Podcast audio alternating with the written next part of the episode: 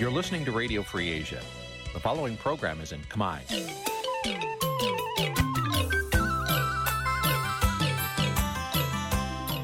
នេះជាកម្មវិធីផ្សាយ Vuthu Azizi Serai នេះជាកម្មវិធីផ្សាយរបស់ Vuthu Azizi Serai ជាភាសាខ្មែរ Vuthu Azizi Serai សូមស្វាគមន៍លោកអ្នកនាងទាំងអស់ពីរដ្ឋធានី Washington នៃសហរដ្ឋអាមេរិកចាប់ផ្សាយផ្ទាល់ពីរដ្ឋធានី Washington នាងខ្ញុំសោជីវីសូមជម្រាបសួរលោកអ្នកនាងអ្នកស្ដាប់វិទ្យុអាស៊ីសេរីទាំងអស់ជាទីមេត្រីយើងខ្ញុំសូមជូនការផ្សាយសម្រាប់យប់ថ្ងៃអាទិត្យ14រោចដាច់ខែអាសត់ឆ្នាំថោះបัญចស័កពុរសករាជ2567ចាដែលត្រូវនៅថ្ងៃទី12ខែវិច្ឆិកាគ្រិស្តសករាជ2023ជាដំបូងនេះសូមអញ្ជើញលោកអ្នកនាងស្ដាប់ព័ត៌មានប្រចាំថ្ងៃដែលមានមេត្តាដូចតទៅ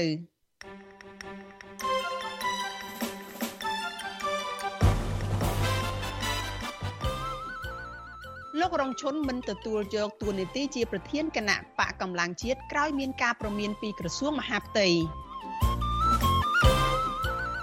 យុវជនថាបកកណ្ដាលអំណាចបង្កើតក្រុមបំពល់សង្គមកាន់តែខ្លាំងក្រោយពេលលោកហ៊ុនម៉ាណែតឡើងកាន់អំណាចអ្នកខ្លំមើលថាចិនកំពុងបង្កើនការកសាងមិត្តភាពជាមួយសមាជិកអាស៊ានតាមរយៈការបង្ហាញឥទ្ធិពលយោធា សកម្មជនចលនាមេដាធម្មជាតិ3នាក់ទៅទទួលពានរង្វាន់ Right Livelihood នៅក្នុងប្រទេសស៊ុយអែតរួមនឹងព័ត៌មានសំខាន់សំខាន់មួយចំនួនទៀតចាជាបន្តទៅទៀតនេះនាងខ្ញុំសុជីវីសូមជូនព័ត៌មានទាំងនេះពិស្ដាចលនានាងជាទីមេត្រីបើទោះបីជាអង្គសមាជបានបោះឆ្នោតឲ្យលោករងឈុនបានធ្វើជាប្រធានដើម្បីដឹកនាំគណៈបកកម្លាំងជាតិក្តីក៏លោករងឈុនបានបដិសេធដែលមិនទទួលយកតួនាទីនេះឡើយ ក្រោយមានការប្រមានពីក្រសួងមហាផ្ទៃចាតាអ្នកតាមដានបញ្ហានយោបាយលើកឡើងថាការសម្រេចចិត្តរបស់លោករងឈុនបែបនេះគឺជាការធ្វើនយោបាយបែបវៃឆ្លាតនិងចេះបត់បែនចាសសូមអញ្ជើញលោកអ្នកនាងរងចាំតាមដានសេចក្តីរាយការណ៍នេះពិស្ដារនៅក្នុងការផ្សាយរបស់យើងនៅពេលបន្តិចទៀតនេះកម្មវិធី Vithu Azizi ស្រីសម្រាប់ទូរស័ព្ទដៃអាចឲ្យលោកអ្នកនាងអានអត្ថបទ ទស្សនាវីដេអូនិងស្ដាប់ការផ្សាយផ្ទាល់ដោយឥតគិតថ្លៃនិងដោយគ្មានការរំខានដើម្បីអាននិងទស្សនាមេតិការថ្មីថ្មីពី Vithu Azisari លោកអ្នកនាងគ្រាន់តែចុចបាល់កម្មវិធីរបស់ Vithu Azisari ដែលបានដំឡើងរួចរាល់លើទូរស័ព្ទដៃរបស់លោកអ្នកនាងប្រសិនបើលោកអ្នកនាងចង់ស្ដាប់ការផ្សាយផ្ទាល់ឬការផ្សាយចាស់ចាស់ សូមចុចលើប៊ូតុងរូបវិទ្យុដែលស្ថិតនៅផ្នែកខាងក្រោមនៃកម្មវិធីជាការស្រេច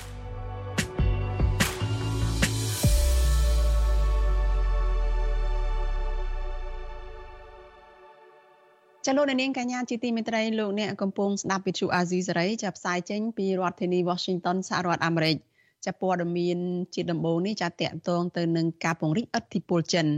អ្នកខ្លោមើលលើកឡើងថាកម្ពុជាគឺជាចំណុចស្នូលក្នុងការតេទៀងឲ្យសមាគមប្រជាជាតិអាស៊ីអាគ្នេយ៍ហៅកាត់ថាអាស៊ានធ្លាក់ចូលទៅក្នុងអន្តៈភូមិសាស្ត្រនយោបាយបំរើមហិច្ឆតាដល់ការពង្រីកអធិបុលផ្នែកយោធារបស់ចិននៅក្នុងតំបន់ការលើកឡើងនេះស្របពេលដែលកងទ័ពពិសេសកម្ពុជា រួមទាំងកងទ័ពសមាជិកប្រទេសអាស៊ានចំនួន4ប្រទេសផ្សេងទៀតចូលរួមធ្វើសមយុទ្ធនៅប្រទេសចិនដែលមានរយៈពេល10ថ្ងៃ ជាមួយនឹងកងទ័ពរំដោះប្រជាជនចិនចាលោកនៅវណ្ណរិនមានសេចក្តីរាយការណ៍អំពីរឿងនេះជូនលោកអ្នកនាងពីរដ្ឋធានី Washington កងទ័ពរំដោះប្រជាជនចិនកំពុងរៀបចំធ្វើសមយុទ្ធយោធាជាមួយប្រទេសអាស៊ានចំនួន5ក្នុងនោះមានកម្ពុជាវៀតណាមឡាវម៉ាឡេស៊ីនិងប្រទេសថៃ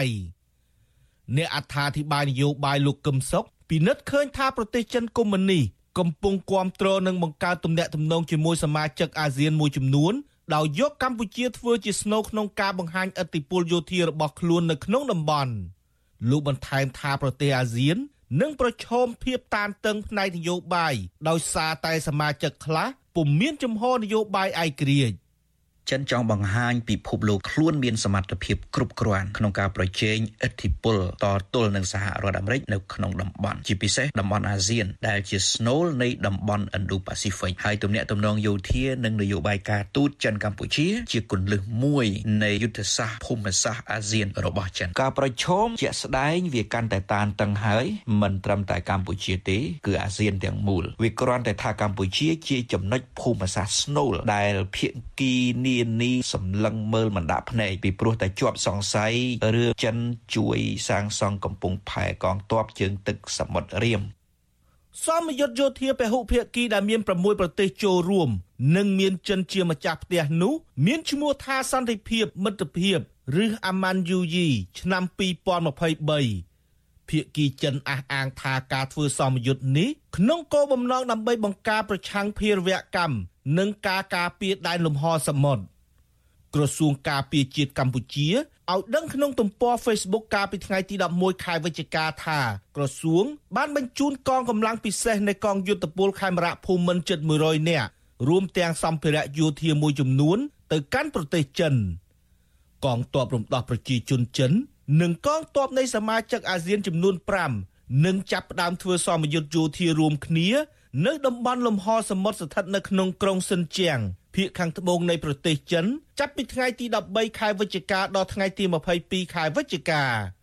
ប្រទេសចិនកុម្មុយនីសបានចាប់ផ្ដើមរៀបចំសមយុទ្ធយោធាសន្តិភាពមិត្តភាពចាប់តាំងពីឆ្នាំ2014 ដោយមានភាគីនៃប្រទេសម៉ាឡេស៊ីចូលរួម ក្នុងក្របខ័ណ្ឌការទូតហើយការធ្វើសមយុទ្ធប្រចាំឆ្នាំ2023នេះមានប្រទេសដំបូងគេដែលចូលរួមសមយុទ្ធរួមមានកម្ពុជាវៀតណាមនិងឡាវកាសែតនៃរដ្ឋអំណាចចិនរាយការណ៍នៅថ្ងៃទី14វិច្ឆិកាថាសមយុទ្ធយោធារួមគ្នានេះ ភាគីចិនធ្វើឡើងដើម្បីពង្រឹងទំនុកចិត្តដល់គ្នាទៅវិញទៅមកជាមួយប្រទេសអាស៊ាននិងបង្កើនសមត្ថភាពឆ្លើយតបខណៈភាពតានតឹងកាន់តែខ្លាំងឡើងនៅចំនួនសមុទ្រចិនខាងត្បូងអ្នកជំនាញផ្នែកភូមិសាស្ត្រនយោបាយលោកបណ្ឌិតរវណ្ណៈមានប្រសាសន៍ថាចាប់តាំងពីឆ្នាំ2010មក របបដឹកនាំបែបកុម្មុយនីសកាន់តែមានឥទ្ធិពលនិងបង្កឲ្យមានភាពតានតឹងក្នុងការដណ្ដើមឥទ្ធិពលភូមិសាស្ត្រនយោបាយកាន់តែខ្លាំងឡើង លោកបន្តថាកត្តានេះជាផ្នែកមួយដែលនាំឲ្យប្រទេសអាស៊ានមួយចំនួនបែកបាក់ឯកភាពគ្នាត្បិតសមាជិកខ្លះបានចាប់យកប្រទេសចិនធ្វើជាខ្នងបង្អែកនិងជាធ្នូនៃផលប្រយោជន៍នយោបាយសេដ្ឋកិច្ចនិងសមាជិកខ្លះទៀតបានបង្កើនកិច្ចសហប្រតិបត្តិការជាមួយប្រទេសលោកសេរីដើម្បីជួយគ្រប់គ្រងផ្នែកការពារដែនអធិបតេយ្យរបស់ខ្លួន។ ចិនមានបំណងបង្កើនដែនឥទ្ធិពលតំបន់គឺមានន័យថាអាស៊ីដែលមានចិនជាស្នូលហើយទាត់អាមេរិកចេញដោយតែស៊ីជីនពីងក៏ធ្លាប់លើកឡើងកាលពីឆ្នាំ2014ថាទុកឲ្យពលរដ្ឋអាស៊ីចាត់ចែងកិច្ចការអាស៊ីដោះស្រាយបញ្ហាអាស៊ីនិងរក្សាសន្តិសុខអាស៊ីលោកជីដឹកឡើងពីការបង្កើតសហគមន៍នៃជោគវាសនារួមសកលមួយដែលវិវត្តក្រោមឋានសួគ៌នៃគ្រួសារមួយដែលមានចិនជាឪពុកទោះយ៉ាងណាបណ្ឌិតរវណ្ណៈព្រួយបារម្ភថាកម្ពុជាជាប្រទេសក្រីក្រ ប្រសិនបើបន្តផ្ដេកផ្ដួលតាមរយៈកិច្ចសហប្រតិបត្តិការជាមួយចិនខ្លាំងពេកនោះកម្ពុជាអាចជាប្រទេសមួយធ្លាក់ចូលទៅក្នុងអន្ទាក់ភូមិសាស្ត្រនយោបាយបំរើមហិច្ឆតាឲ្យចិនទៅវិញលើពីនេះទៀតលោកថាកម្ពុជាក៏ងាយនឹងទទួលឥទ្ធិពលពីចិនឬការគ្រប់គ្រងដឹកនាំរដ្ឋបែបសម័យថ្មី ដែលប្រឆាចពីគន្លងប្រជាធិបតេយ្យមុនពេលកម្ពុជាចូលរួមធ្វើសមយុទ្ធយោធានៅក្នុងប្រទេសចិននេះ កម្ពុជានិងចិនបានធ្វើសមយុទ្ធយោធារួមគ្នាចំនួន2លើករួចមកហើយនៅក្នុងឆ្នាំ2023ក៏ប៉ុន្តែកម្ពុជា បានបដិសេធចូលរួមធ្វើសមយុទ្ធយោធារួមគ្នាជាមួយក្រុមប្រទេសអាស៊ានលើកដំបូងនៅតំបន់សមុទ្រចិនខាងត្បូងដែលរៀបចំដោយប្រទេសឥណ្ឌូនេស៊ីទោះយ៉ាងណា អ្នកខ្លំមើលមិនរំពឹងថាទ័ពកម្ពុជានឹងទទួលបានសមត្ថភាពពេញលេញពីការធ្វើសមយុទ្ធយោធាជាមួយចិននោះទេ ពួកគេថាការដែលចិននិងកម្ពុជារួមគ្នាបង្កើនសកម្មភាពធ្វើសមយុទ្ធរួមគ្នានេះភាគីទាំងពីរអាចនឹងមានកិច្ចពិភាក្សាផ្ទៃក្នុងដោយសម្ងាត់ដើម្បីសម្រួលឲ្យចិន បង្ហាញអធិបុលយោធារបស់ខ្លួននៅមុនការបិទបញ្ចប់ការកសាងមូលដ្ឋានកងទ័ពសមុទ្ររៀមក្នុងចុងខែវិច្ឆិកាដែលមន្ត្រីយោធាលោកខាងលិចថាប្រទេសចិនកំពុងប្រើប្រាស់មូលដ្ឋានកងទ័ពសមុទ្រនេះសម្រាប់បម្រើឲ្យផលប្រយោជន៍យោធារបស់ខ្លួនផ្ដាច់មុខទៅវិញ។ ខ្ញុំបាទនៅវណ្ណរិន With Chu Azizi Saray ពីរដ្ឋធានី Washington ចាលោកនាងកញ្ញាជាទីមេត្រីចាព័ត៌មានជាបន្តទៅទៀតនេះចាតកតងទៅនឹងការបដិសេធរបស់លោករងឈុនមិនទទួលយកតួនាទីជាប្រធានគណៈបកកម្លាំងជាតិចាបើទោះបីជាអង្គសមាជបានបោះឆ្នោតឲ្យលោករងឈុនបានធ្វើជាប្រធានដើម្បីដឹកនាំគណៈបកកម្លាំងជាតិក្តីចាក៏ប៉ុន្តែលោករងឈុនបានបដិសេធមិនយកតួនាទីនេះ នៅក្រៅពេលមានការប្រមានពីក្រសួងមហាផ្ទៃចាអ្នកតាមដាននយោបាយលើកឡើងថាការសម្រេចចិត្តរបស់លោករងឈុនបែបនេះគឺជាការដែលធ្វើនយោបាយមានភាពវៃឆ្លាតនិងបត់បែនចាការលើកឡើងរបស់លោករងឈុននេះទៀតសោតចាគឺនៅក្រៅពេលដែលគណៈបកកម្លាំងជាតិចាបានធ្វើសម័យរបស់ខ្លួននៅថ្ងៃនេះគឺសង្ស័យនៅអ្វីដែលគណៈបកតែមិនបានមកផ្ទាល់តែទស្សនា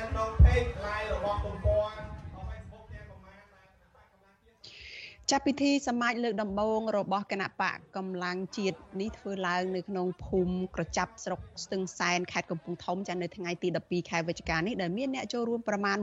1500នាក់ដែលភាគច្រើនគឺជាអ្នកទាំងនោះជាសមាជិកនៃក្រុមប្រឹក្សាឃុំសង្កាត់របស់គណៈបកភ្លើងទៀនចាក្រៅពីអនុម័តលក្ខន្តិកៈរបស់គណៈបកដែលមាន10ចម្ពោះចែកចេញជា57មេត្រារួចអង្គសមាជនៃគណៈបកកម្លាំងជាតិ ក៏បានបោះឆ្នោតជ្រើសតាំងថ្នាក់ដឹកនាំគណៈបកផងដែរថ្នាក់ដឹកនាំដែលអង្គសមាជបានជ្រើសតាំងទាំងនោះរួមមានគណៈកម្មាធិការនយោបាយរបស់គណៈបកគណៈកម្មាធិការអចិន្ត្រៃយ៍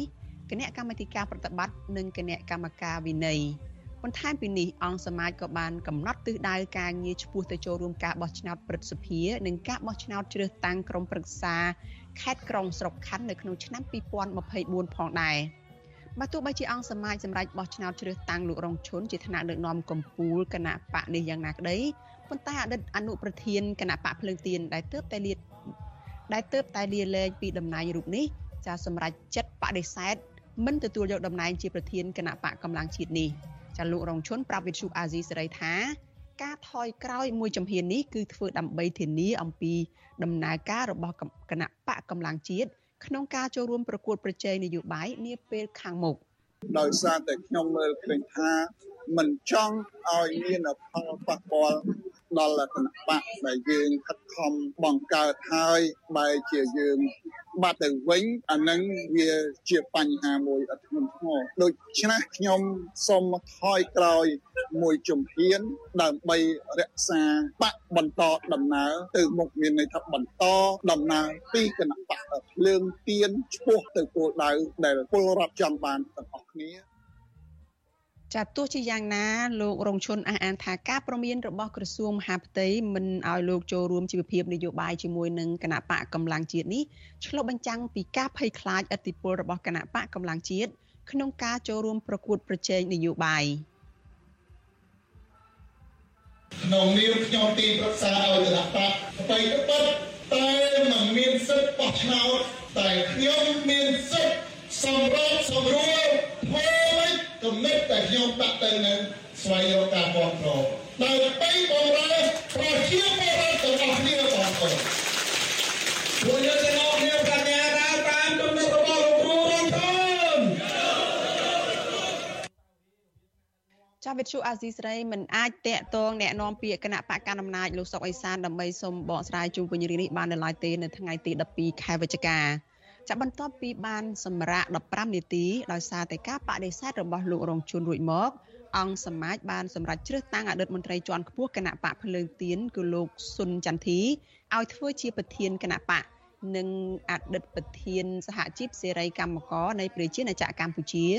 និងជាអតីតសមាជិកគណៈកម្មការនយោបាយនៃគណៈបកភ្លើងទៀនគឺលោកជាមនីឲ្យធ្វើជាអនុប្រធានវិញ។ ដោយឡែកនៅក្នុងអង្គសមាជលើកដំបូងរបស់គណៈបកកម្លាំងជាតិនេះក៏មានវត្តមានតំណាងគណៈបកភ្លើងទៀនចាលើគឺលោកគង់មុនីកាចូលរួមផងដែរជុំវិញរឿងនេះអ្នកតាមដានភូមិសាស្ត្រនយោបាយតំបន់អាស៊ីអាគ្នេយ៍និងប៉ាស៊ីហ្វិកចាលោកសេងវ៉ាន់លីយល់ឃើញថាការសម្រេចចិត្តរបស់លោករងឈុនគឺជាការសម្រេចចិត្តបែបវៃឆ្លាតលោកបន្ថែមថាបើទោះបីជាលោករងឈុនមិនមានតួនាទីជាប្រធានគណៈបកក្តីប៉ុន្តែលោករងឈុននៅតែមានអធិបុលរៀបចំយុទ្ធសាស្ត្រ រកអ្នកគ្រប់គ្រងឲ្យគណៈបកកម្លាំងជាតិនៅពីក្រោយឆាកហើយអ្នកគ្រប់គ្រងកម្លាំងជាតិដែលចេញពីភ្លឹងទៀតនឹងដឹងច្បាស់អំពីសក្តានុពលរបស់លោករងជនអញ្ចឹងកន្លងមកយើងមើលថាលោកមិនមិនតារបស់លោករងជននេះមិនមែនដើម្បីធ្វើជាប្រធានបកទេគាត់ថាដើម្បីធ្វើម៉េចបង្រួមរួមកម្លាំងអ្នកជាដៃដើម្បីកុំឲ្យបែកស្ងាយតែប៉ុណ្ណោះ ដោយឡែកអ្នកវិភាគនយោបាយចាស់ភាសាលោកបណ្ឌិតឡៅម៉ុងហៃយល់ឃើញថាវត្តមានគណៈបកកម្លាំងជាតិគឺជាចលករមួយផ្នែកទៀតដើម្បីលើកកម្ពស់លទ្ធិប្រជាធិបតេយ្យលោកបន្ថែមថាដើម្បីអាចទទួលបានការគ្រប់គ្រងពីប្រជាពលរដ្ឋកាន់តែច្រើនគណៈបកនេះគួររៀនពីបទពិសោធន៍បរាជ័យនិងជោគជ័យឲ្យបានច្រើនពីគណៈបកប្រឆាំង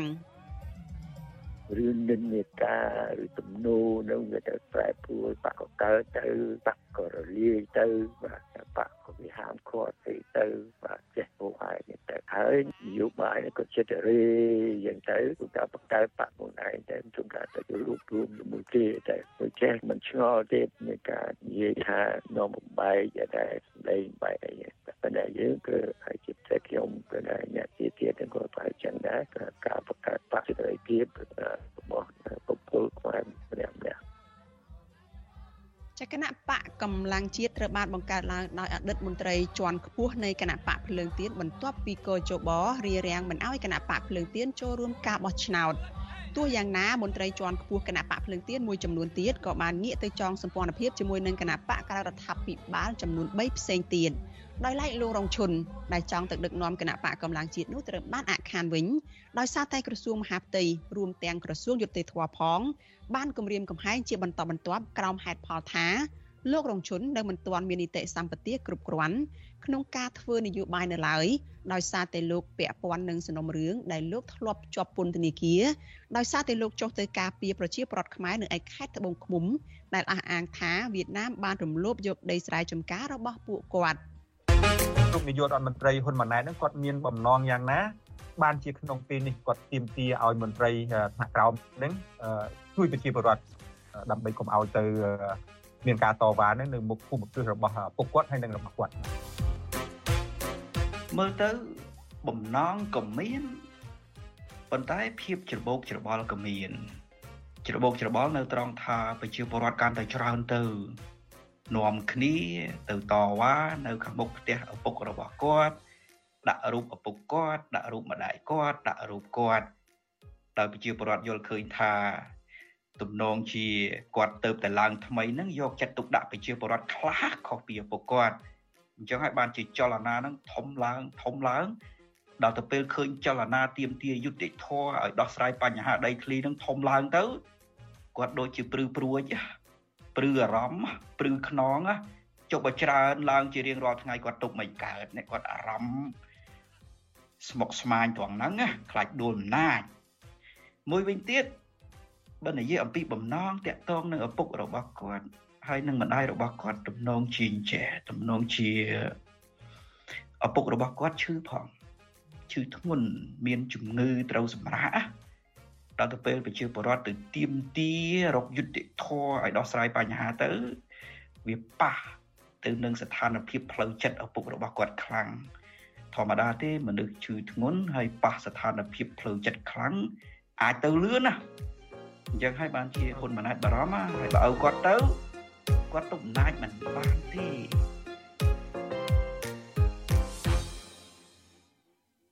ចាលោកនាងកញ្ញាជាទីមេត្រីចាកិច្ចពិភាក្សារវាង លោកសំពូលីចានៅលោកសេបណ្ឌិតរួមជាមួយនឹងលោក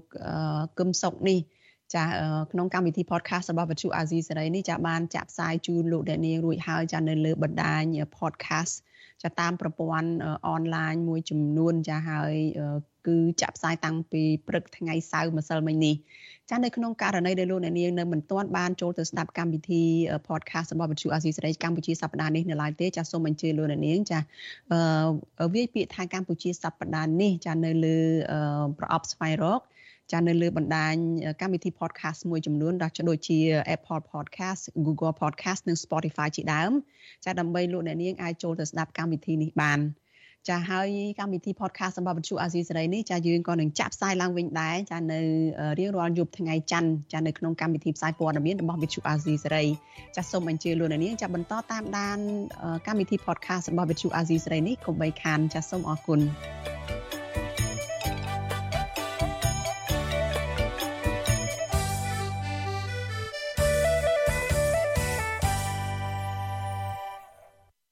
ចាលោកនាងកញ្ញាជាទីមេត្រីចាព័ត៌មានតកតនឹងការការពារធនធានធម្មជាតិវិញម្ដងចាសេចក្តីរាយការណ៍ពីខេត្តកោះកុងឯណោះឲ្យដឹងថាក្រមចលនាមេដាធម្មជាតិទទូចឲ្យរដ្ឋាភិបាលបញ្ឈប់ការបូមខ្សាច់នៅឯតំបន់កោះកាពិនៅក្នុងខេត្តកោះកុងនេះមន្ត្រីអង្គការសង្គមស៊ីវិលបារម្ភថាការបូមខ្សាច់ជាថ្មីម្ដងទៀតនេះនឹងប៉ះពាល់ដល់បរិស្ថាននិងការរស់នៅរបស់ប្រជាពលរដ្ឋនៅក្នុងតំបន់ចាសសូមអញ្ជើញលោកនាងស្ដាប់សេចក្តីរាយការណ៍របស់លោកជាតិចំណានអំពីរឿងនេះដូចតទៅ យុវជនចលនាមេដាធម្មជាតិរកឃើញការបូមនិងដឹកសាច់ចេញពីតំបន់កោះស្រឡៅឃុំកោះកាពីស្រុកកោះកុងខេត្តកោះកុងចាប់ផ្ដើមក៏ក្រើកឡើងវិញក្រោយពីស្ងប់ស្ងាត់មួយរយៈយុវជនចលនាមេដាធម្មជាតិកញ្ញាធួនស្រីពៅប្រាប់វិសុយស៊ីស្រីនៅថ្ងៃទី12ខែវិច្ឆិកាថាកាលពីថ្ងៃទី11ខែវិច្ឆិកាជាថ្ងៃទី3ដែលមានសឡង់បានបូមខ្សាច់នៅកោះស្រឡៅកញ្ញាបន្តថាដំបងឡើយមានតែសឡង់មួយតែប៉ុណ្ណោះផ្ទុកខ្សាច់ពេញហើយដឹកចេញពីកោះស្រឡៅបន្ទាប់មកសឡង់3ផ្សេងទៀត ក៏មកតាមក្រោយកញ្ញាបន្តទៀតថាកញ្ញាបានសាកសួរទិសដៅសឡង់នេះពីអ្នកភូមិហើយអ្នកភូមិប្រាប់ថាសឡង់ទាំងនោះបានដឹកទៅចាក់នៅឆ្នេរកោះកុងក្រៅរបស់កញ្ញាលីយ៉ុងផាត់កញ្ញាបន្តថានៅតំបន់កោះស្រឡៅមិនត្រឹមតែមានសកម្មភាពបូមខ្សាច់បែបប៉ុណ្ណោះទេថែមទាំងមានការបំផ្លាញព្រៃកោងកាងផងដែរពួក អ្នកភូមិកោះសាឡាគេអត់ពេញចិត្តនឹងការបូមខ្សាច់ទេគេគេយល់ពីផលប៉ះពាល់នៃការបូមខ្សាច់ហ្នឹងក៏គេជាយាមនិយាយថាគេអត់ចង់មានអាការបូមខ្សាច់នេះវិញទេហើយចៅហ្វាយស្រុកក៏លើកឡើងថាការបូមខ្សាច់ហ្នឹងមានអាជ្ញាប័ណ្ណត្រឹមត្រូវមានអាជ្ញាប័ណ្ណត្រឹមត្រូវប៉ុន្តែការលើកឡើងរបស់អ្នកភូមិគឺគាត់ថាអាជ្ញាប័ណ្ណហ្នឹងគឺគេថាមានប៉ុន្តែអត់ទាន់ដល់ថ្ងៃទៅធ្វើមកបូមខ្សាច់ទេហើយតំបន់ដែលបូមហ្នឹងក៏ស្ថិតនៅក្នុងតំបន់រាមសាកោះកាពីដែលជាតំបន់ដែលយើងត្រូវការពារកញ្ញាធួនត្រីពៅបន្ថែមថានៅពេលដែលជួបអ្នកភូមិ ពួកគាត់ត្អូញត្អែថាសឡងបូមខ្សាច់បានលិចប្រេងបណ្ដាលឲ្យប៉ះពាល់ដល់ជីវៈចម្រុះនៅក្នុងទឹកនិងធ្លាក់ចុះនៅផលនេសាទកញ្ញាសោកស្ដាយចំពោះការប្រើលែអភិវឌ្ឍដើម្បីទាញយកផលចំណេញសម្រាប់មនុស្សមួយក្តាប់តូចប៉ុន្តែបង្កទុកសោករាប់មិនអស់ដល់ពលរដ្ឋក្នុងតំបន់អ្នកដឹកនាំថ្មីក្មេងខ្ចីរៀនសិស្សចប់បណ្ឌិតហើយខ្ញុំជឿថាកម្លាភាពនៃការដឹកនាំរបស់គាត់បញ្ញានៃការដឹកនាំរបស់គាត់គាត់នឹងមើលឃើញពីទឹកភ្នែករបស់រា វិសុវស៊ីសេរីនៅពុំអាចតាក់ទងអភិបាលខេត្តកោះកុងអ្នកស្រីមេតនាពូថងនិងអ្នកនាំពាក្យក្រសួងរាយនឹងធម្មពលលោកអឹងលីពូឡាដើម្បីសុំការបកស្រាយបញ្ហានេះបាននៅឡើយទេនៅថ្ងៃទី12ខែវិច្ឆិកាអ្នកសម្របសម្រួលគម្រោងធុរកិច្ចនិងសិទ្ធិមនុស្សនៃមជ្ឈមណ្ឌលសិទ្ធិមនុស្សកម្ពុជាលោកបានសុផាតប្រាប់វិសុវស៊ីសេរីថាលោកព្រួយបារម្ភជាថ្មីទៀត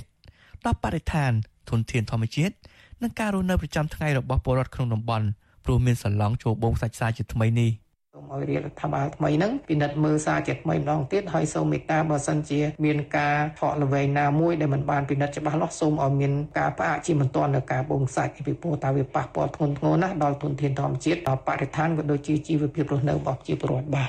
តំបន់កោះស្រឡៅនៃឃុំកោះកាពីស្រុកកោះកុងខេត្តកោះកុងជាកន្លែងដែលមានការបូមខ្សាច់ខ្នាតធំរយៈពេលជាងច្រើនឆ្នាំមកហើយការធ្វើអាជីវកម្មខ្សាច់តាមប្រព័ន្ធស្ទឹងផ្នែកខាងលើ និងក្បែរតំបន់កោះស្រឡៅបានកើតឡើងចាប់ពីឆ្នាំ2006និងបានបញ្ឈប់សកម្មភាពបូមខ្សាច់នៅចុងឆ្នាំ2016ក្រោយពីក្រសួងរាយនឹងធម្មពលបានចេញបំរាមផ្អាកការបូមខ្សាច់នៅខេត្តកោះកុងនិងការនាំចេញខ្សាច់ទៅក្រៅប្រទេសទាំងអស់ដោយគ្មានកំណត់រយៈពេលបំរាមនេះកើតមានឡើងក្រោយពីបណ្ដាអង្គការសង្គមស៊ីវិលនិងប្រព័ន្ធផ្សព្វផ្សាយបានរកឃើញខ្សាច់ជាង60លានតោនបានបាត់ពីប្រព័ន្ធទិន្នន័យរបស់រដ្ឋាភិបាលកម្ពុជាในការនាំចេញខ្សាច់ទៅប្រទេសសង្ហបុរី ដែលគេបានប៉ាន់ស្មានថាវានាំឲ្យមានការបាត់ប្រាក់រាប់រយលានដុល្លារសហរដ្ឋអាមេរិកទោះជាយ៉ាងណាយុវជនមេដាធម្មជាតិនិងមន្ត្រីអង្គការសង្គមស៊ីវិលនៅតែស្នើយ៉ាងទទូចដល់រដ្ឋាភិបាលឲ្យបញ្ឈប់ការបូមខ្សាច់នៅកោះស្រឡៅក្បែរតំបន់ដែនជម្រកសត្វព្រៃពីមកសោបដើម្បីរក្សាសម្រស់ឆ្នេរខ្សាច់សក្បុសពីធម្មជាតិនិងជីវៈចម្រុះក្នុងទឹកខ្ញុំបាទជាចំណាន Visual Society ប្រធានាទី Washington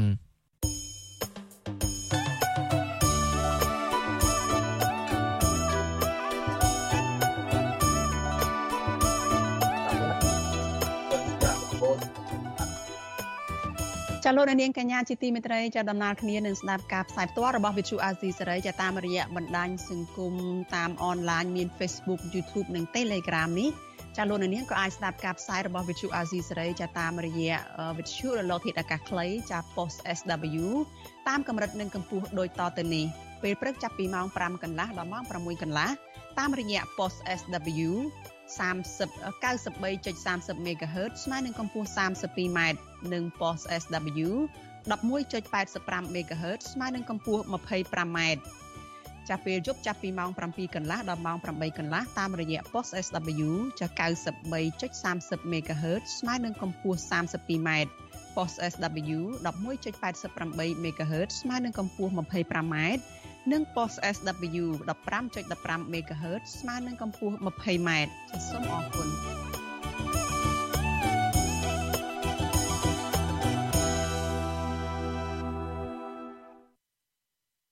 ចាលោកនាងកញ្ញាជាទីមេត្រីចាក្រមយុវជនអះអាងថាគណៈបកកណ្ដាលអំណាចកំពុងតែពង្រឹងក្រមវាយប្រហារនៅលើបណ្ដាញសង្គមកាន់តែខ្លាំងដើម្បីបំពុលសង្គមនិងគំរាមកំហែងអ្នករិះគន់រដ្ឋាភិបាល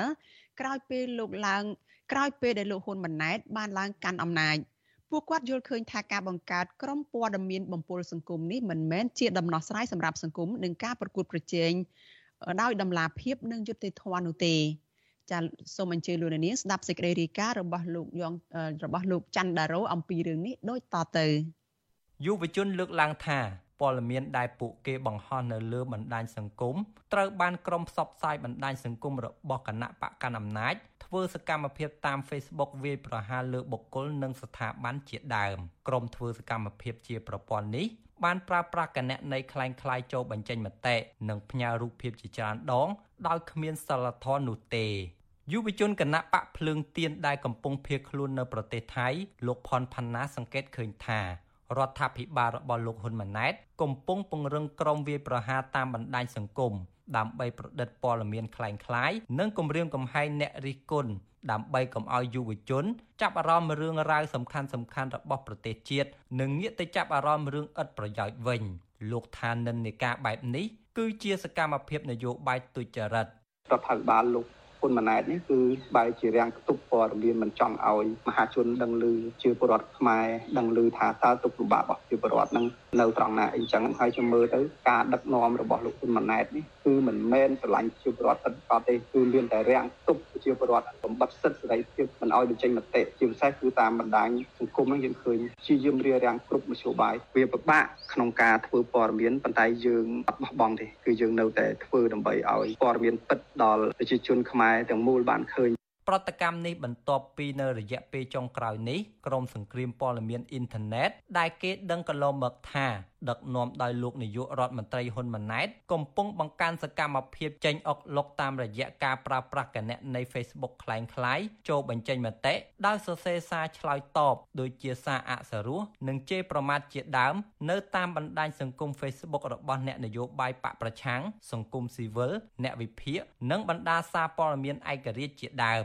វុទ្ធុអាស៊ីសេរីមិនអាចតាក់ទងលោកហ៊ុនម៉ាណែត ដើម្បីបកស្រាយជុំវិញរឿងនេះបានទេនៅថ្ងៃទី12ខែវិច្ឆិកានេះជុំវិញរឿងនេះយុវជនចលនាមេដាធម្មជាតិកញ្ញាភូមិកែវរស្មីលើកឡើងថា សកម្មភាពក្រុមអុកលុកនៅលើអ៊ីនធឺណិតបានកើនឡើងជាងពេលមុនតាមរយៈការបង្កើតដំណភ្ជាប់ឬបង្កើតគណនី Facebook คล้ายៗចូលបញ្ចេញមតិប្រើពាក្យអក្សរោះជេរប្រមាថដើម្បីតាមរំខានយុវជនសង្គមដែលផ្សព្វផ្សាយតាក់ទងទៅនឹងបញ្ហាបរិស្ថានធនធានធម្មជាតិព្រមទាំងការអប់រំប្រជាពលរដ្ឋឲ្យមានចំណេះដឹងនិងការស្វែងរកដំណោះស្រាយនៅលើបណ្ដាញសង្គមជាដើមកញ្ញាយល់ថារបៀបបន្សាបព័ត៌មានដែលមហាជនរិះគន់រដ្ឋាភិបាល នៅលើបណ្ដាញសង្គមឬធ្វើឲ្យចំនួនអ្នកគាំទ្រថយចុះនោះមានឥទ្ធិពលលើប្រជាពលរដ្ឋដែលយល់ដឹងពីវិធីសាស្ត្រនៅពីក្រោយរឿងបំពើសង្គមនោះទេវាបន្តកើតមានម្ដងហើយម្ដងទៀតហើយវាច្រើនចំនួនមកហើយដែលតាំងពីមានបណ្ដាញសង្គមមកគឺយើងឃើញមានក្រុមប្រភេទហ្នឹងនៅធ្វើការបែបហ្នឹងហើយក៏នៅរស់រហូតដល់ពេលបច្ចុប្បន្នដែលកំពុងធ្វើការវាយប្រហារបំភ្លៃព័ត៌មានបន្លប់ស្ថានភាពអីទាំងអស់ហ្នឹងដែរអញ្ចឹងគ្មានអីក្រៅតែពីយើងជាប្រជាពលរដ្ឋខ្លួនឯងយើងឃើញមួយយើងប្លុកចោលមួយឃើញពីរប្លុកចោលពីរចាប់ផ្ដើមពីខ្លួនយើងទាំងអស់គ្នាដោយការមិនគ្រប់គ្រងទៅលើព័ត៌មានคล้ายៗទាំងអស់ហ្នឹងកាលពីឆ្នាំ2017សារបែកធ្លាយចេញពីអ៊ីមែលរបស់រដ្ឋលេខាធិការក្រសួងយុតិធធនិងជាមនុស្សចំណិតរបស់លោកហ៊ុនម៉ាណែតគឺលោកកឹមសន្តិភាពបានបង្ហាញពីការបង្កើតក្រុមសង្គ្រាមព័ត៌មានតាមអ៊ីនធឺណិតដែលមានឈ្មោះជាភាសាអង់គ្លេសថា Cyber War Room ក្រុមនេះត្រូវបានបង្កើតឡើងនៅក្នុងឆ្នាំ2013ដែលមានលោកហ៊ុនម៉ាណែត និងលោកស្វាយស៊ីថាប្រធានគណៈកម្មការសម្របសម្រួលព័ត៌មាន និងសាធារណមតិបច្ចុប្បន្ននេះជាប្រធាន និងមានអនុប្រធានជាច្រើនរូបទៀតដូចជាលោកសុកពុទ្ធាវុឌ្ឍកូនប្រសារលោកហ៊ុនសែនលោកតិតទីណារដ្ឋមន្ត្រីក្រសួងកសិកម្មរុក្ខាប្រមាញ់និងនេសាទនិងជាកូនលោកដិតមន្ទីរ អតីតប្រធានតឡាការកម្ពុជាព្រមទាំងលោកកឹមសន្តិភាព និងមនុស្សជាច្រើនអ្នកទៀតសកម្មភាពរបស់ក្រុមនេះគឺតាមដាននិងគ្រប់គ្រងព័ត៌មាននានានៅលើបណ្ដាញសង្គមព្រមទាំងរៀបចំចាត់វិធានការដើម្បីទប់ស្កាត់និងវាយបកទៅលើមជ្ឈដ្ឋានរិះគន់ការដឹកនាំរបស់រដ្ឋាភិបាលគណៈបកប្រជាជនកម្ពុជាក្រមយុវជនអំពាវនាវដល់រដ្ឋាភិបាលឲ្យបើកលំហប្រជាធិបតេយ្យនិងការគោរពសិទ្ធិមនុស្ស ងាកត្រឡប់មកការប្រកួតប្រជែងក្នុងផ្លូវសុចរិតហើយត្រូវក្លាហានទទួលយកមតិរិះគន់ទៅដោះស្រាយនឹងកែលម្អដើម្បីផលប្រយោជន៍ជាតិជាជាងធ្វើនយោបាយមិនស្អាតស្អំតាមរយៈការបង្កើតក្រុមនៅលើបណ្ដាញសង្គមបង្កើតព្រឹត្តិការណ៍លុបព្រឹត្តិការណ៍ឬក្រុមវាយប្រហារអ្នកដែលមាននិន្នាការផ្ទុយនឹងរដ្ឋាភិបាលជាដើមខ្ញុំបាទច័ន្ទដារោវុទ្ធុអាស៊ីសេរី ចាលោកនាងកញ្ញាជាទីមេត្រីចាយើងងាកទៅព័ត៌មានតកតនឹងក្រមយុវជន ដែលសកម្មការពារធនធានធម្មជាតិវិញម្ដងតំណាងសកម្មជនចលនាមេដាធម្មជាតិ3នាក់បានធ្វើដំណើរទៅទទួលពានរង្វាន់ Right Livelihood នៅទីក្រុង Stockholm នៃប្រទេសស៊ុយអែតចាលោកជីវិតា មានសេចក្តីរាយការណ៍ព័ត៌មាននេះតំណាងសកម្មជនចលនាមេដាធម្មជាតិ3នាក់គឺលោកលីច័ន្ទដារាវុធកញ្ញាមានលីសា និងកញ្ញាសុនរដ្ឋា បានទៅដល់ប្រទេសអាល្លឺម៉ង់ដើម្បីត្រៀមខ្លួនទៅទទួលពានរង្វាន់ Rai Livelihood នៅថ្ងៃទី29វិច្ឆិកានៅទីក្រុង Stockholm ប្រទេសស៊ុយអែតពួកគេទាំង3នាក់នេះទៅទទួលពានរង្វាន់ជំនួសសកម្មជនបរិស្ថាន3នាក់ផ្សេងទៀតគឺលោកថនរដ្ឋាកញ្ញាលងគុន្ធា និងកញ្ញាភួនកែវរស្មីដែលត្រូវបានតំណាងអัยការសាលាដំបងរាជធានីភ្នំពេញគឺលោកច្រឹងខ្មៅ មិនអនុញ្ញាតឲ្យពួកគាត់ធ្វើដំណើរទៅទទួលពានរង្វាន់អន្តរជាតិមួយនេះសកម្មជនចលនាមេដាធម្មជាតិកញ្ញាភូនកែវរស្មីប្រាប់វិទ្យុអាស៊ីសេរីនៅថ្ងៃទី12វិច្ឆិកាថាកញ្ញារីករាយនៅពេលដែលសមាជិកក្រុមបានទៅទទួលពានរង្វាន់ជំនួសកញ្ញាប៉ុន្តែកញ្ញាសោកស្ដាយដែលរដ្ឋាភិបាលកម្ពុជារដ្ឋបិទសិទ្ធិសេរីភាពរបស់កញ្ញានិងសកម្មជនពីររូបទៀតមិនអោយទៅទទួលពានរង្វាន់ដោយផ្ទាល់នៅប្រទេសស៊ុយអែត ប៉ុន្តែអីដែលយើងមើលឃើញនេះគឺរដ្ឋាភិបាលកម្ពុជាក៏ព្យាយាមមើលមិនឃើញមិនខ្វល់ហើយនឹងមិនយកចិត្តទុកដាក់ទៅលើបញ្ហាទាំងអស់ហ្នឹងគាត់នៅតែបន្តនៅតែប្រកាន់គោលចំហបែបរដ្ឋបတ်សិទ្ធិសេរីភាពមិនបើកលំហសិទ្ធិសេរីភាពហើយនឹងធ្វើយ៉ាងណាប្រើវិធីសាស្ត្របែបគម្រាមកំហែងបង្ខំឬមួយក៏គេហៅថាវិធីសាស្ត្រក្តៅដែលដូចជាចាប់ពួកយើងដាក់ពន្ធនាគារដាក់បាត់ទោសដាក់បាត់ចោទធ្ងន់ធ្ងរមកលើពួកយើងដើម្បីឲ្យពួកយើងឈប់ធ្វើការទៅវិញ អង្គការ Right Livelihood បានតម្រូវឲ្យសកម្មជនចលនាមេដាធម្មជាតិ3នាក់គឺកញ្ញាភួនកៅរស្មីកញ្ញាលងគុន្ធា និងលោកថនរដ្ឋាតំណាងឲ្យចលនាមេដាធម្មជាតិធ្វើដំណើរទៅទទួលពានរង្វាន់អន្តរជាតិមួយនេះនៅទីក្រុង Stockholm ប្រទេសស៊ុយអែតដោយត្រូវធ្វើដំណើរចាប់ពីថ្ងៃទី24វិច្ឆិកានិងត្រឡប់មកកម្ពុជាវិញនៅថ្ងៃទី1ខែធ្នូឆ្នាំ2023ប៉ុន្តែដោយសារតុលាការក្រុងភ្នំពេញមិនអនុញ្ញាត ទើបលោកលីចន្ទរាវុធកញ្ញាមានលីសា និងកញ្ញាសុនរដ្ឋាទៅទទួលពានរង្វាន់នេះជំនួសវិញ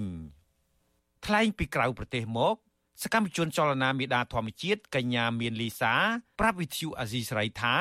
កញ្ញាបានជួបជាមួយតំណាងរដ្ឋសភាអាល្លឺម៉ង់តំណាងអង្គការសហប្រជាជាតិប្រចាំប្រទេសអាល្លឺម៉ង់អ្នកស្រី Christian Ecol និងសកម្មជនមួយចំនួនទៀតនៅប្រទេសអាល្លឺម៉ង់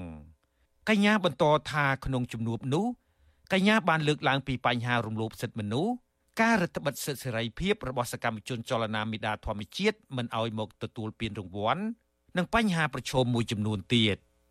ហើយគេក៏រីករាយហើយជាចំនួនដែលយើងអាចទទួលស្គាល់ថាល្អមែនតើដែលសភានៅអាឡម៉ង់ហ្នឹងអាចទទួលស្ដាប់នៅសម្លេងរបស់យើង ពីបញ្ហាដែលយើងបានជួបនឹងតម្លៃនៃការងារដែលពួកយើង បានធ្វើនិងកំពុងតែធ្វើហ្នឹងណាបងអាចំនួនហ្នឹងគឺជាចំនួនដែលគេអាចដាក់សម្ពាធទៅលើរដ្ឋាភិបាលខ្មែរឲ្យមានការទទួលខុសត្រូវឡើងវិញជាមួយនឹងការគោរពសិទ្ធិមនុស្សនិងមានការបើកចំហការទទួលស្គាល់ក្រុមរបស់ពួកយើង កញ្ញាមានលីសាបន្ថែមថាកញ្ញានិងសមាជិកពីររូបទៀតនៅថ្ងៃដដែលនេះនឹងធ្វើដំណើរទៅទីក្រុងសេណាវប្រទេសស្វីសជួបជាមួយមន្ត្រីតំណាងនៅទីនោះដើម្បីបង្ហាញពីក្តីកង្វល់ជុំវិញការរំលោភសិទ្ធិមនុស្សនៅកម្ពុជា ហើយចុងក្រោយនឹងទៅទទួលពានរង្វាន់ Rival Livelihood នៅប្រទេសស៊ុយអែត With you Aziz Rai មិនអាចតាក់ទងអ្នកណែនាំពាក្យក្រសួងយុតិធធម៌លោកជិនម៉ាលីននិងអ្នកណែនាំពាក្យរដ្ឋាភិបាលលោកប៉ែនបូណា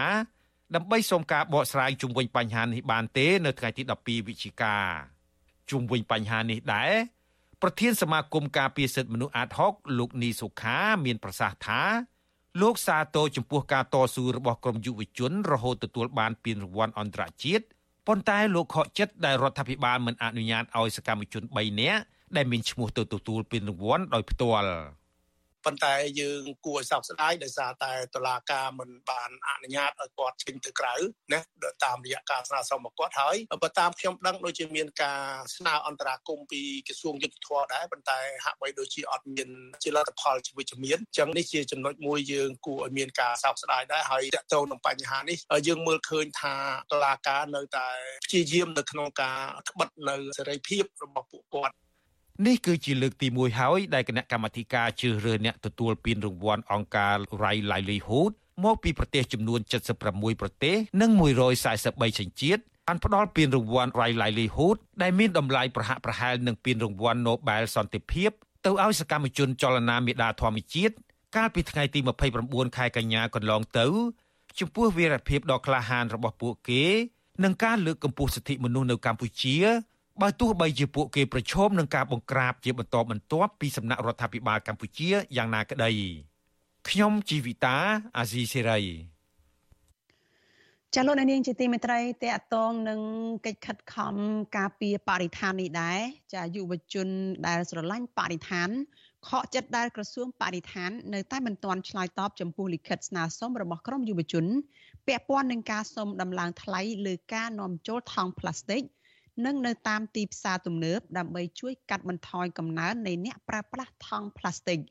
ចាមន្ត្រីសង្គមស៊ីវិលយល់ឃើញថាក្រសួងបរិស្ថានហាក់យឺតយ៉ាវនៅក្នុងការឆ្លើយតបពីសំណើរបស់ក្រមយុវជន ដែលទង្វើនេះគឺប្រឆាចពីគោលការណ៍ច្បាប់ចាសសូមស្ដាប់សេចក្តីរាយការណ៍របស់លោកសេបណ្ឌិតអំពីរឿងនេះដូចតទៅក្រមយុវជនជំរុញឲ្យរដ្ឋមន្ត្រីក្រសួងបរិស្ថាន លោកអៀងសផល្លែតយកចិត្តទុកដាក់ចំពោះទុកកង្វល់របស់ក្រមយុវជន ជុំវិញការស្នើឲ្យមានការដំឡើងថ្លៃការនាំចូលថង់ប្លាស្ទិកគិតបន្ទួលនៅពេលនេះក្រសួងបរិស្ថាននៅមិនទាន់ឆ្លើយតបលើលិខិតស្នើសុំរបស់ក្រមយុវជននៅឡើយទេ កាលពីថ្ងៃទី31ខែតុលាអាជ្ញាធរខណ្ឌដូនពេញ បានរារាំងនិងរុញច្រានក្រមយុវជន ដែលយកញត្តិទៅដាក់នៅក្រសួងបរិស្ថាន ស្នើឲ្យរដ្ឋាភិបាលដំឡើងពន្ធលើការនាំចូលថង់ប្លាស្ទិកចន្លោះពី10%ដល់15% និងស្នើឲ្យដំឡើងថ្លៃថង់នៅតាមផ្សារទំនើប800រៀលក្នុងមួយថង់ដើម្បីទប់ស្កាត់ការប្រើប្រាស់ថង់ប្លាស្ទិកសកម្មជនសង្គមកញ្ញារឿនសីនាង ប្រាប់បទសុអសីសេរីនៅថ្ងៃទី11វិច្ឆិកាថាកញ្ញាសោកស្ដាយដែលក្រសួងបរិស្ថាន មិនអើពើចំពោះក្តីបារម្ភរបស់យុវជន ដែលបណ្ដោយឲ្យពលរដ្ឋប្រើប្រាស់ថង់ប្លាស្ទិកដោយពុំមានការទប់ស្កាត់ដដែលកញ្ញាព្រួយបារម្ភថាថង់ប្លាស្ទិក នឹងคล้ายជាការបំពុលបរិស្ថានធ្ងន់ធ្ងរប្រសិនបើរដ្ឋាភិបាលគ្មានវិធានការទប់ស្កាត់ជាក់លាក់ បើសិនជារដ្ឋាភិបាលគិតថាការតម្លើងថ្លៃថង់ប្លាស្ទិកហ្នឹងវាប៉ះពាល់ដល់សេដ្ឋកិច្ចអញ្ចឹងបើសិនជាប្រទេសយើងពោពេញទៅដោយថង់ប្លាស្ទិកឬមួយក៏គំនរប្លាស្ទិកដូចដូចនៅភ្នំពេញអីហ្នឹងតើរដ្ឋាភិបាលហ្នឹងមានវិធានការក្នុងការទុកដាក់អត់ហើយបើសិនជាមានវិធានការក្នុងការទុកដាក់ពួកយើងគិតថារដ្ឋាភិបាលនឹងចំណាយលុយរបស់ជាតិហ្នឹងក្នុងការផ្សេងដីឬមួយក៏ចំណាយលុយរបស់ជាតិហ្នឹងក្នុងការរកវិធីសាស្ត្រផ្សេងៗដើម្បីដោះស្រាយបញ្ហាដែលប្រឈមទៅជាមួយនឹងបញ្ហាថង់ប្លាស្ទិកអញ្ចឹងណាស្រដៀងគ្នានេះដែរសកម្មជនសង្គមម្នាក់ទៀតគឺកញ្ញារៀមស្រីពេជ្ររតនាថ្លែងថាក្រសួងបរិស្ថាន ហាក់រើសអើងចំពោះយុវជន ដែលគិតគូរពីបញ្ហាបរិស្ថាន ពីព្រោះនៅពេលយុវជនទៅដាក់ញត្តិស្នើសុំកិច្ចអន្តរាគមន៍ការពារបរិស្ថានក្រសួងតែងតែយឺតយ៉ាវក្នុងការឆ្លើយតបឬមិនឆ្លើយតបតែម្ដងក៏មាន។ យើងពិតជាមានការអន់ចិត្តជាខ្លាំងក្នុងនាមយើងជាប្រជាពលរដ្ឋជាថាថាជាចវាយនីរបស់ទាំងរដ្ឋមន្ត្រីទាំងរដ្ឋាភិបាលអ្នកធ្វើការហ្នឹងណាស្នើពីទុកកង្វល់របស់ប្រជាពលរដ្ឋទូទៅពីព្រោះដោយសារបរិស្ថានរឿងផ្លាស្ទិកមិនមែនជួបតែខ្ញុំទេប្រសិនបើប្រទេសយើងរងនឹងការបំពុលគឺទាំងអស់គ្នាតែអីដែលយើងស្នើគឺទទួលស្គាល់ថាពួកយើងជាប្រជាពលរដ្ឋមិនមានជាគំនិតជ្រៅជ្រះណាស់ហើយបានជាពួកយើងស្នើឲ្យក្រសួងបរិស្ថានដឹងថាកន្លែងនេះពួកខ្ញុំជួបបញ្ហាតែត្រូវដោះស្រាយយ៉ាងម៉េចដោយឡែកយុវជនម្នាក់សូមមិនបញ្ចេញឈ្មោះលើកឡើងថាដោយសារការប្រើប្រាស់ថង់ប្លាស្ទិកមានភាពងាយស្រួលដោយមិនចាំបាច់ត្រូវប្រើពេលវេលាលាងសម្អាតដូច្នេះបានជាជំរុញឲ្យគាត់ចូលចិត្តប្រើថង់ប្លាស្ទិកដោយមិនគិតពីផលប៉ះពាល់បរិស្ថានម្យ៉ាងទៀតរូបគាត់រវល់ជាមួយនឹងការងារផង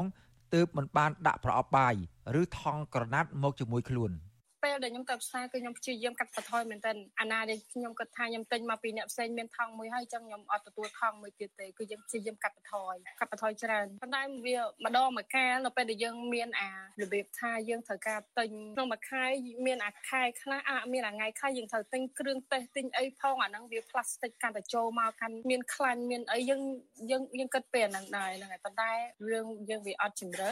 វិទ្យុអសីសេរីនៅពុំទាន់អាចតាក់ទងแนะនាំពាក្យក្រសួងបរិស្ថានលោកផៃប៊ុនឈឿនដើម្បីសុំការបោះស្រាយជុំវិញបញ្ហានេះបានទេនៅថ្ងៃទី11ខែវិច្ឆិកា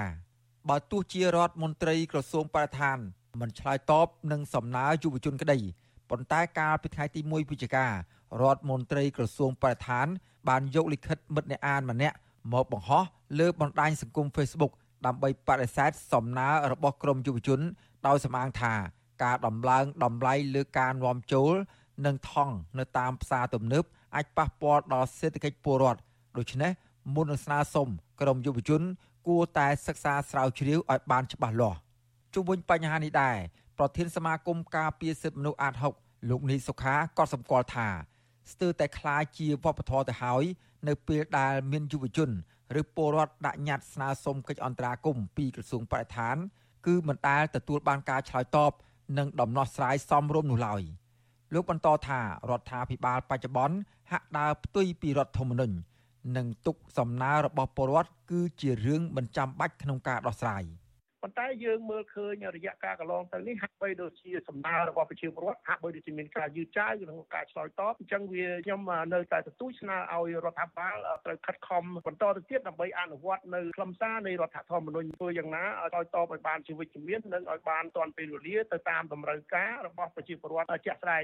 ក្រៅពីក្រសួងបរិស្ថានមិនឆ្លើយតបចំពោះសំណើរបស់ប្រជាពលរដ្ឋហើយនោះនៅមានក្រសួងមួយចំនួនទៀតដូចជាក្រសួងយុទ្ធភ័ពក្រសួងរៀបចំដែនដីនគររូបនីយកម្មនិងសំណង់ក្រសួងកាងារនិងក្រសួងមួយចំនួនទៀតតែងតែបដិសេធសំណើរបស់ពលរដ្ឋទោះបីជាពលរដ្ឋទាំងនោះកំពុងរងការរំលោភសិទ្ធិការងារសិទ្ធិមនុស្សនិងរំលោភយកដីធ្លីពីសំណាក់អ្នកមានលុយមានអំណាចយ៉ាងណាក្តីក៏ក្រសួងពាក់ព័ន្ធទាំងនោះបិទភ្នែកបិទត្រចៀកមិនជួយដោះស្រាយទុក្ខលំបាករបស់ពលរដ្ឋដែរ។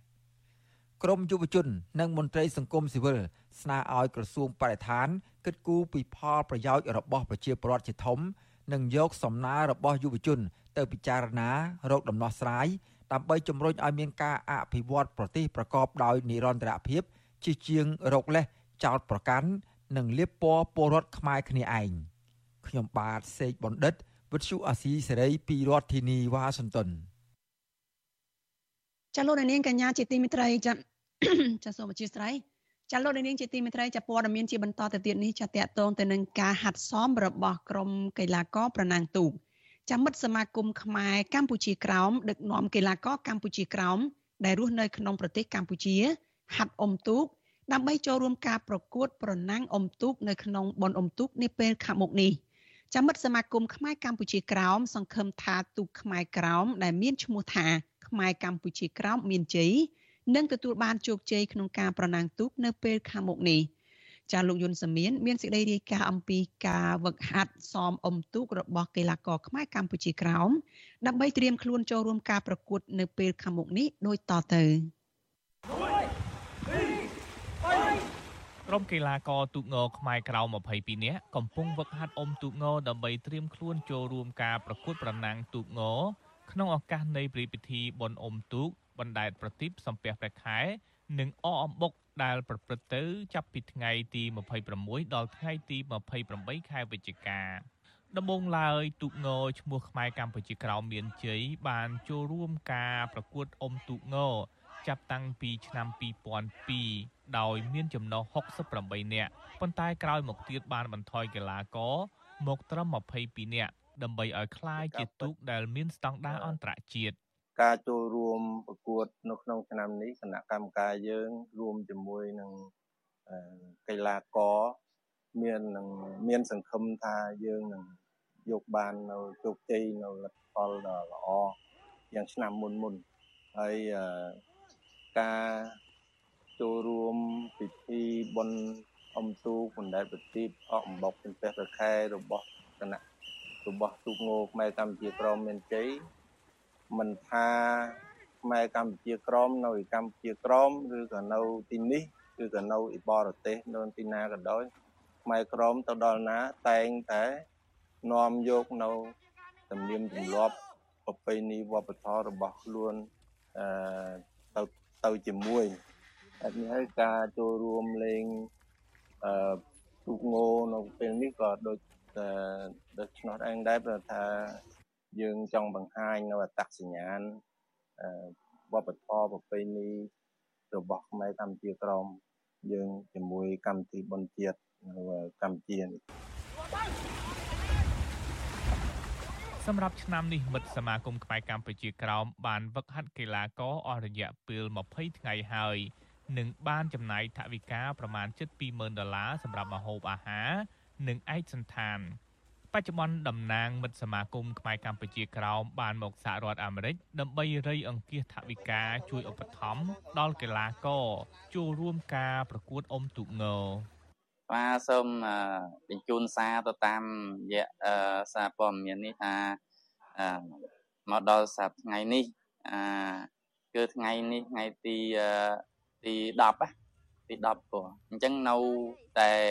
ជាង10ថ្ងៃទៀតទេប៉ុន្តែ ថវិកាដែលបានមកនឹងនៅខ្វះខាតច្រើនអញ្ចឹងសូមពីវនាវទៅដល់សាធារណជនអទាំងក្នុងក្នុងនិងក្រៅប្រទេសអឲ្យពេលដែលស្ដាប់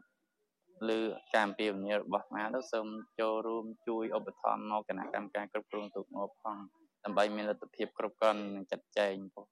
មន្ត្រីមិត្តសមាគមខ្មែរកម្ពុជាក្រោមលើកឡើងថាការចូលរួមប្រណាំងទូកងនេះ ដើម្បីបង្ហាញឲ្យពលរដ្ឋទូទៅដឹងនិងស្គាល់អំពីអត្តសញ្ញាណខ្មែរកម្ពុជាក្រោម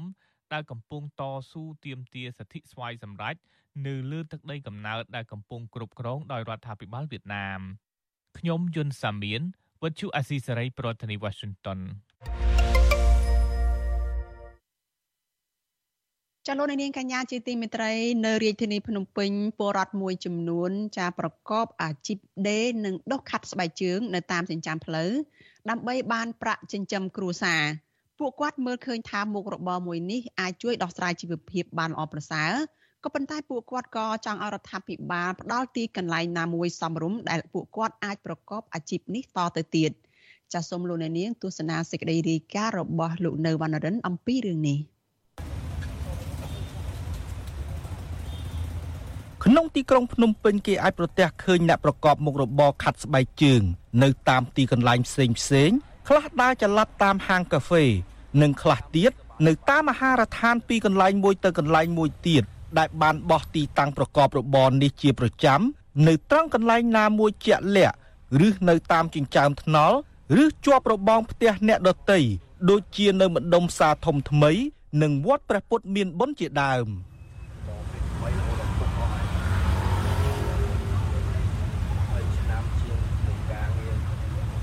ពលរដ្ឋប្រកបរបរដេរនិងដុសខាត់ស្បែកជើងនៅក្នុងខណ្ឌទួលគោករាជធានីភ្នំពេញ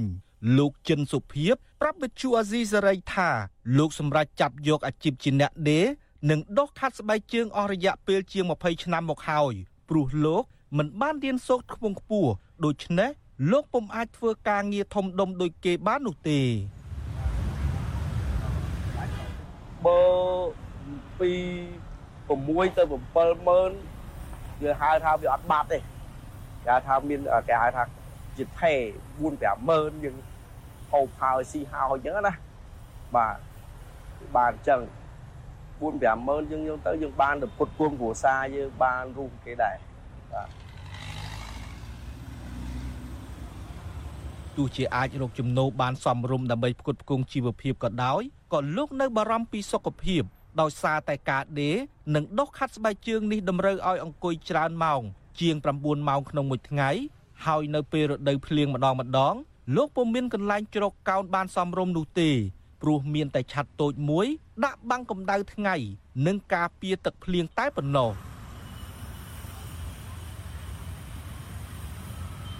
ពលរដ្ឋម្នាក់ទៀតដើមកំណើតនៅក្នុងខេត្តតាកែវដែលកំពុងប្រកបមុខរបរដេរ និងដុសខាត់ស្បែកជើងនៅក្នុងរាជធានីភ្នំពេញនោះដែរគឺលោកហួយសុភីបលើកឡើងថាលោកសប្បាយចិត្តចំពោះអាជីវកម្មមួយនេះព្រោះលោកអាចរកចំណូលបានខ្លះដើម្បីចិញ្ចឹមគ្រួសារនិងផ្គត់ផ្គង់ឲ្យកូនបានរៀនសូត្រ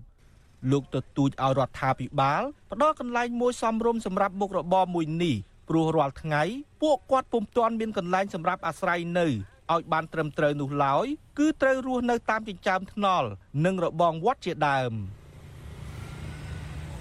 បើសិនជារដ្ឋាភិបាលគាត់អាចជួយរកអាទីផ្សារឬកន្លែងណាដែលសម្រាប់អ្នករកស៊ីចាំផ្លូវដោយពួកខ្ញុំអីហ្នឹងបានក៏វាល្អដែរពេលខ្លះរកស៊ីចាំផ្លូវខ្ញុំមានអារម្មណ៍មួយថានេះដែរមានសម្ពាធដែរពេលខ្លះត្រូវភ្លៀងត្រូវខ្យល់អញ្ចឹងទៅបងប៉ាំងឆាប់ប៉ាំងប៉ះគេប៉ាំងអញ្ចឹងបាទដែរហ្នឹងគឺ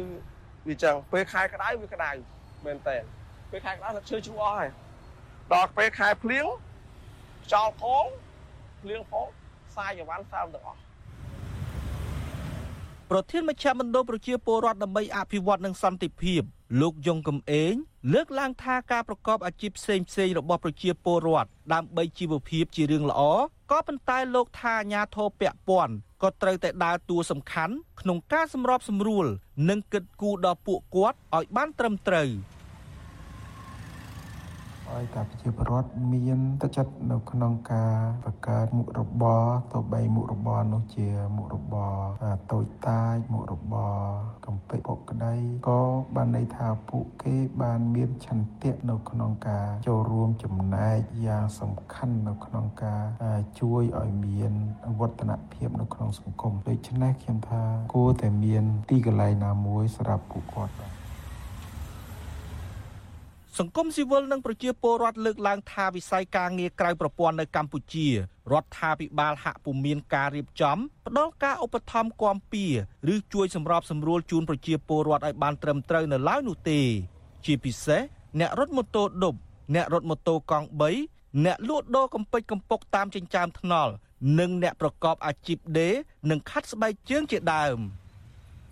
ខ្ញុំបាទនៅវណ្ណរិន with Chu Azizi Saray ពីរដ្ឋធានី Washington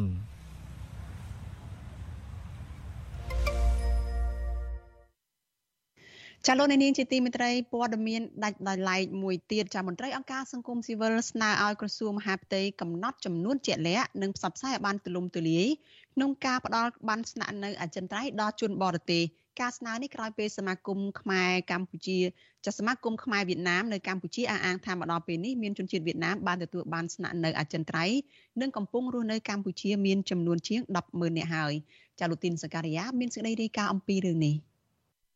មន្ត្រីអង្គការសង្គមស៊ីវិលអំពាវនាវឲ្យក្រសួងមហាផ្ទៃប្រុងប្រយ័ត្នខ្ពស់ក្នុងការផ្ដល់បានស្នាក់នៅអចិន្ត្រៃយ៍ដល់ជនបរទេសនិងត្រូវគិតពិចារណាឲ្យគ្រប់ជ្រុងជ្រោយដើម្បីបញ្ជាផលប៉ះពាល់អវិជ្ជមាន ដល់រឿងនយោបាយនិងសង្គមនៅពេលអនាគតនាយកអង្គការសម្ព័ន្ធកណន័យភាពសង្គមកម្ពុជា លោកសនជ័យលើកឡើងថាក្រសួងមហាផ្ទៃគួរតែមានផែនការឲ្យបានច្បាស់លាស់និងកំណត់ចំនួនជាក់លាក់ក្នុងការផ្ដល់បានស្នាក់នៅអចិន្ត្រៃយ៍ជាពិសេសផ្ដល់ជូនជនជាតិវៀតណាមអាជ្ញាធរត្រូវគ្រប់គ្រងឲ្យបានច្បាស់លាស់និងធានាពីសុវត្ថិភាពសង្គមនិងនយោបាយរយៈពេលវែងលោកបន្ថែមថាបញ្ហានេះជាចំណុចរសើបដល់បរិបទម្ចាស់ប្រទេសប្រតិកម្ម ហើយឆ្លោះបញ្ចាំងពីបញ្ហាសង្គមនិងនយោបាយដែលរដ្ឋាភិបាលគួរតែមានវិធានការដោះស្រាយក្នុងកម្រិតអ្នកអនុវត្តច្បាប់និងអ្នកបង្កើតគោលនយោបាយចំនួនមួយដែលមានផែនការច្បាស់លាស់ណាជាពិសេសប្រទេសដែលនៅជាប់ព្រំ ទល់ជាមួយគ្នាហ្នឹងតែគេគួរកំណត់ដែរថាឥឡូវប្រទេសដែលទទួលហ្នឹងមាន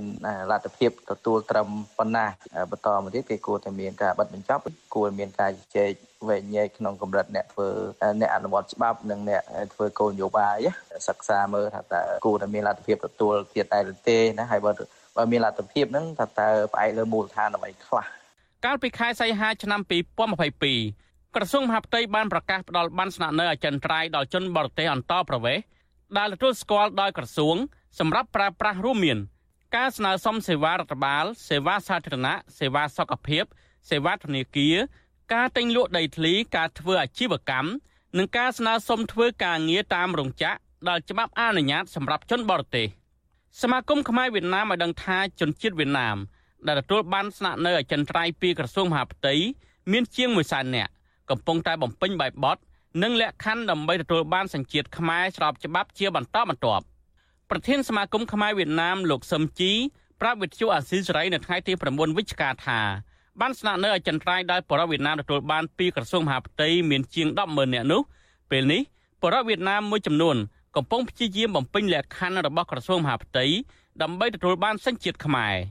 លោកអះអាងថាបច្ចុប្បន្ននេះសមាគមវៀតណាម បានពង្រីកសាខាចំនួន20ខេត្តក្រុងហើយនៅក្នុងប្រទេសកម្ពុជាទោះជាយ៉ាងណាលោកបដិសេធថាសមាគមខ្មែរវៀតណាម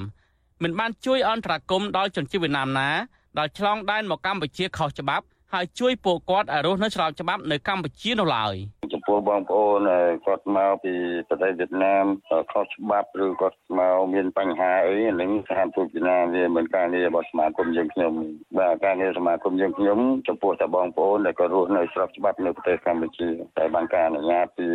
ក្រសួងមហាផ្ទៃដែលដល់លិខិតបានចិនត្រៃគាត់សាក់នៅស្របច្បាប់ទៀតប្រហែលជាជាង100000នាក់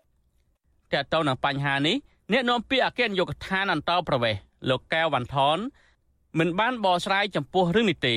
នៅពេលវិទ្យុអាស៊ីសេរីបានសួរនាំអំពីរឿងនេះហើយលោកបានចុចទូរស័ព្ទបិទក៏ប៉ុន្តែអ្នកនាំពាក្យក្រសួងមហាផ្ទៃលោកខៀវសុភ័ក្របានប្រាប់វិទ្យុអាស៊ីសេរីកាលពីថ្ងៃទី16តុលាថាក្តីបារម្ភរបស់ពលរដ្ឋនិងមន្ត្រីសង្គមស៊ីវិលទាក់ទងនឹងការផ្ដល់សញ្ជាតិឲ្យជនបរទេសគឺជារឿងត្រឹមត្រូវក៏ប៉ុន្តែលោកអះអាងថារដ្ឋាភិបាលអនុវត្តការងារនេះ ស្របតាមច្បាប់របស់កម្ពុជាលោកអះអាងបន្ថែមទៀតថាការស្នើសុំមុននឹងទទួលបានសញ្ជាតិខ្មែរជនបរទេសត្រូវមានលិខិតបំពេញបែបបទរួចរាល់តាមគោលការណ៍កំណត់របស់ក្រសួងមហាផ្ទៃសួរទីធ្វើអ្វីតាមច្បាប់កំណត់ទេយើងមិនអីលេខស្អប់ហើយកុំអីខ្វះច្បាប់ជាការត្រឹមត្រូវល្អណាស់ការស្នើអញ្ចឹងអត់មានអីប៉ុន្តែខ្ញុំជឿថាទីនេះស្ដីហើយតែឯសារស្នើសុំវាមានតែកំណត់បង្ហាញពីក្នុងផ្លូវការដែរបរដ្ឋវៀតណាមម្នាក់រស់នៅខេត្តកំពង់ឆ្នាំង ដែលទទួលបានបានស្នាក់នៅអចិន្ត្រៃយ៍នៅកម្ពុជា គឺលោកយ៉យ៉ាងដុងអាយុ60ឆ្នាំ ប្រាប់វិទ្យុអាស៊ីសេរីថាគ្រួសាររបស់លោក3នាក់មានប្រពន្ធកូននិងរូបលោកទទួលបានស្នាក់នៅអចិន្ត្រៃយ៍ទាំងអស់គ្នាលោកបញ្ជាក់ថាបាននេះជួយឧបត្ថម្ភថវិកាពីរដ្ឋាភិបាលវៀតណាមដោយក្នុងមួយបានត្រូវបង់លុយឲ្យអាជ្ញាធរខ្មែរ250,000រៀលហើយក្នុងរយៈពេល2ឆ្នាំត្រូវបង់លុយម្ដង លោកបន្ថែមថាបានស្នាក់នៅអចិន្ត្រៃយ៍ផ្ដល់ភាពងាយស្រួលច្រើនដល់គ្រួសារលោកអាចរស់នៅកម្ពុជាមានសិទ្ធិទិញដីធ្លីផ្ទះនិងទទួលបានសេវាសាធារណៈផ្សេងផ្សេងទៀតយើងមានកប្រព័ន្ធអញ្ចឹងអត់មានណាធ្វើបាបគេយើងគេគេក៏ហៅយើងធ្វើដែរហើយយើងធ្វើម្ដងអញ្ចឹងបាន2ឆ្នាំនៅម្យ៉ាងទៀត2ឆ្នាំនឹងរឿងខាងរដ្ឋវៀតណាមគេជំនួយឲ្យហើយឡើងម្នាក់អញ្ចឹងមក250000ទាំងខ្ញុំទាំងប្រពន្ធទាំងកូនធ្វើបានអស់ដែរ ជុំវិញរឿងនេះប្រធានអង្គការការពារសិទ្ធិជនជាតិដើមភាគតិចប្រចាំខេត្តកំពង់ឆ្នាំងលោកតូតកឹមស្រួយ សង្កេតឃើញថាជនជាតិវៀតណាមដែលទទួលបានបានស្នាក់នៅអចិន្ត្រៃយ៍រស់នៅរយៈពេល7ឆ្នាំ មានសិទ្ធិស្នើសុំសញ្ជាតិខ្មែរបានក៏ប៉ុន្តែលោកថាក្រសួងមហាផ្ទៃមានលក្ខខណ្ឌតឹងរឹងនៅក្នុងការផ្ដល់សញ្ជាតិលោកបន្ថែមថាលក្ខខណ្ឌទាំងនោះរួមមានប្រវៀតណាមត្រូវចេះនិយាយភាសាខ្មែរចេះអក្សរខ្មែរតិចតួចស្គាល់ប្រពៃណីខ្មែរ មិនជាប់ពាក់ព័ន្ធនឹងបទល្មើសព្រហ្មទណ្ឌនិងត្រូវបង្ហាញខ្លួននៅក្រសួងមហាផ្ទៃដោយឆ្លងកាត់ការសម្ភាសដោយផ្ទាល់មាត់ដាក់ពាក្យចូលសញ្ជាតិចូលអីហើយសញ្ជាតិទាំងទៀតខ្ញុំមានរហូតដល់ត្រូវធ្វើតេស្តនៅអីនយោបាយកឋានអន្តរប្រវេសនោះទៀតអាហ្នឹងគោលការណ៍ណាតែតេស្តហ្នឹងតើណាតេស្តគិស៊ូគិស៊ូផ្ទាល់មាត់ហ្មងបាទហ្នឹងហើយឧទាហរណ៍របៀបគេឲ្យទៅសេពីអីមួយអញ្ចឹងទៅពាក្យថាវត្តឬមួយពីអីមួយអញ្ចឹងផ្សារ ទៅផ្សារអីចឹងអាលក្ខណៈទៅតែហ្នឹងបានវាដូចជាផ្នែកអំពើពុករលួយមួយណាតែបើតាមការស្នើសុំវានៅមានអំពើពុករលួយបាទជុំវិញនឹងរឿងនេះអតីតតំណាងរាស្ត្រគណៈបកសង្គ្រោះជាតិលោកអ៊ុំសំអានយល់ឃើញថារដ្ឋាភិបាលកម្ពុជាគួរតែអនុវត្តច្បាប់អន្តរប្រវេសន៍បើជនបរទេសណាចូលមកកម្ពុជាខុសច្បាប់ត្រូវចាប់បញ្ជូនត្រឡប់ទៅប្រទេសដើមវិញលោកបារម្ភថាការផ្ដាល់បានស្នាក់នៅអចិន្ត្រៃយ៍ឲ្យជនបរទេសគឺជាការបើកផ្លូវឲ្យជនជាតិវៀតណាម ដែលឆ្លងដែនមកកម្ពុជាខុសច្បាប់រស់នៅស្របច្បាប់បង្កហានិភ័យខ្ពស់ដល់ប្រជាពលរដ្ឋកម្ពុជានៅពេលខាងមុខជាតិវៀតណាមភាគច្រើនចូលមកកម្ពុជាហ្នឹងតាមច្រករបៀងតាមទូកតាមអីចឹងណាมันមានប៉ាសពតមានអីទេជាជនអន្តរប្រវេសន៍ខុសច្បាប់មកតាមច្បាប់អន្តរប្រវេសន៍ត្រូវចាប់ដាក់ពន្ធនាគារហើយត្រូវបញ្ជូនចេញទៅប្រទេសដើមវិញក៏ប៉ុន្តែរដ្ឋាភិបាលលោកហ៊ុនម៉ាណែត ក៏ដូចជារដ្ឋាភិបាលលោកហ៊ុនសែនហ្នឹងគឺមិនបានអនុវត្តតាមច្បាប់អន្តរប្រវេសន៍ហ្នឹងទេរបាយការណ៍របស់ក្រសួងមហាផ្ទៃដែលចេញផ្សាយកាលពីឆ្នាំ2020បង្ហាញថាគិតត្រឹមខែមិថុនាឆ្នាំ2019កម្ពុជាផ្ដល់បានស្នាក់នៅអចិន្ត្រៃយ៍ជូនជនជាតិវៀតណាមរស់នៅកម្ពុជាស្របច្បាប់ជិត90000នាក់និងនៅសល់រាប់ម៉ឺននាក់ផ្សេងទៀតរបាយការណ៍បន្ថែមថាកម្ពុជាបានផ្ដល់សញ្ជាតិខ្មែរដល់ជនជាតិវៀតណាម